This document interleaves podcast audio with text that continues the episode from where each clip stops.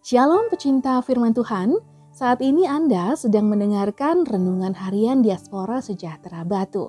Pembacaan Alkitab hari ini terambil dari Kitab Keluaran pasal 2 ayat 1 sampai 10. Musa lahir dan diselamatkan. Seorang laki-laki dari keluarga Levi kawin dengan seorang perempuan Levi. Lalu mengandunglah ia dan melahirkan seorang anak laki-laki. Ketika dilihatnya bahwa anak itu cantik, disembunyikannya tiga bulan lamanya. Tetapi ia tidak dapat menyembunyikannya lebih lama lagi.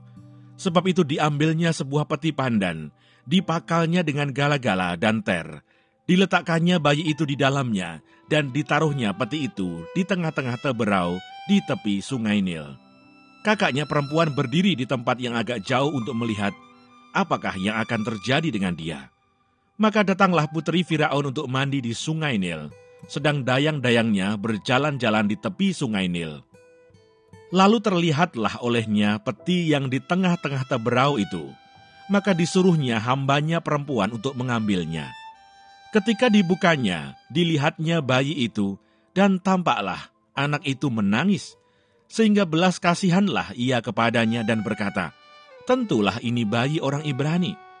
Lalu bertanyalah kakak anak itu kepada putri Firaun, akan kupanggilkah bagi tuan putri seorang inang penyusu dari perempuan Ibrani untuk menyusukan bayi itu bagi tuan putri?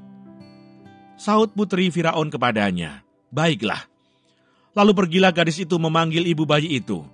Maka berkatalah putri Firaun kepada ibu itu, Bawalah bayi ini dan susukanlah dia bagiku, maka aku akan memberi upah kepadamu. Kemudian perempuan itu mengambil bayi itu dan menyusuinya. Ketika anak itu telah besar, dibawanyalah kepada putri Firaun yang mengangkatnya menjadi anaknya dan menamainya Musa. Sebab katanya, karena aku telah menariknya dari air. Ayat emas hari ini diambil dari kitab keluaran pasal 2 ayat 10. Ketika anak itu telah besar, dibawanyalah kepada putri Firaun yang mengangkatnya menjadi anaknya dan menamainya Musa.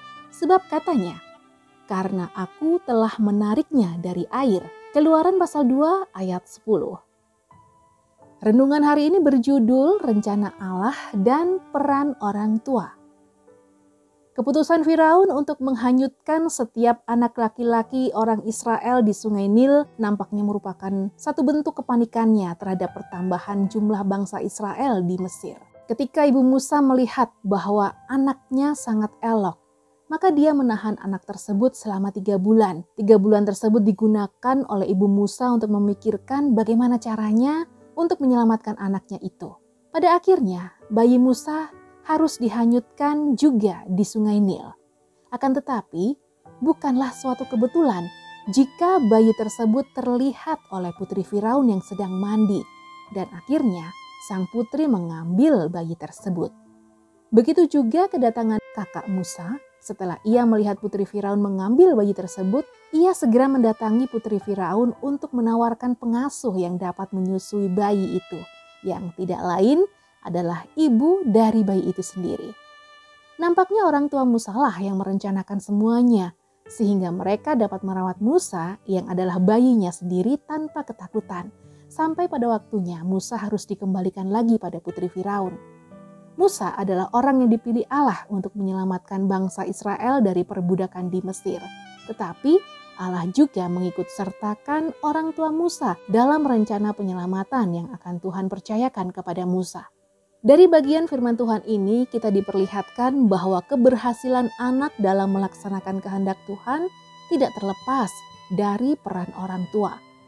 Setiap orang tua memiliki tanggung jawab yang besar terhadap keberhasilan anak-anaknya, sehingga mereka menjadi alat Tuhan selama di muka bumi ini. Jadilah orang tua yang bijak dan peduli dengan rencana Allah dalam diri anak-anak Anda. Didiklah anakmu maka ia akan memberikan ketentraman kepadamu dan mendatangkan sukacita kepadamu.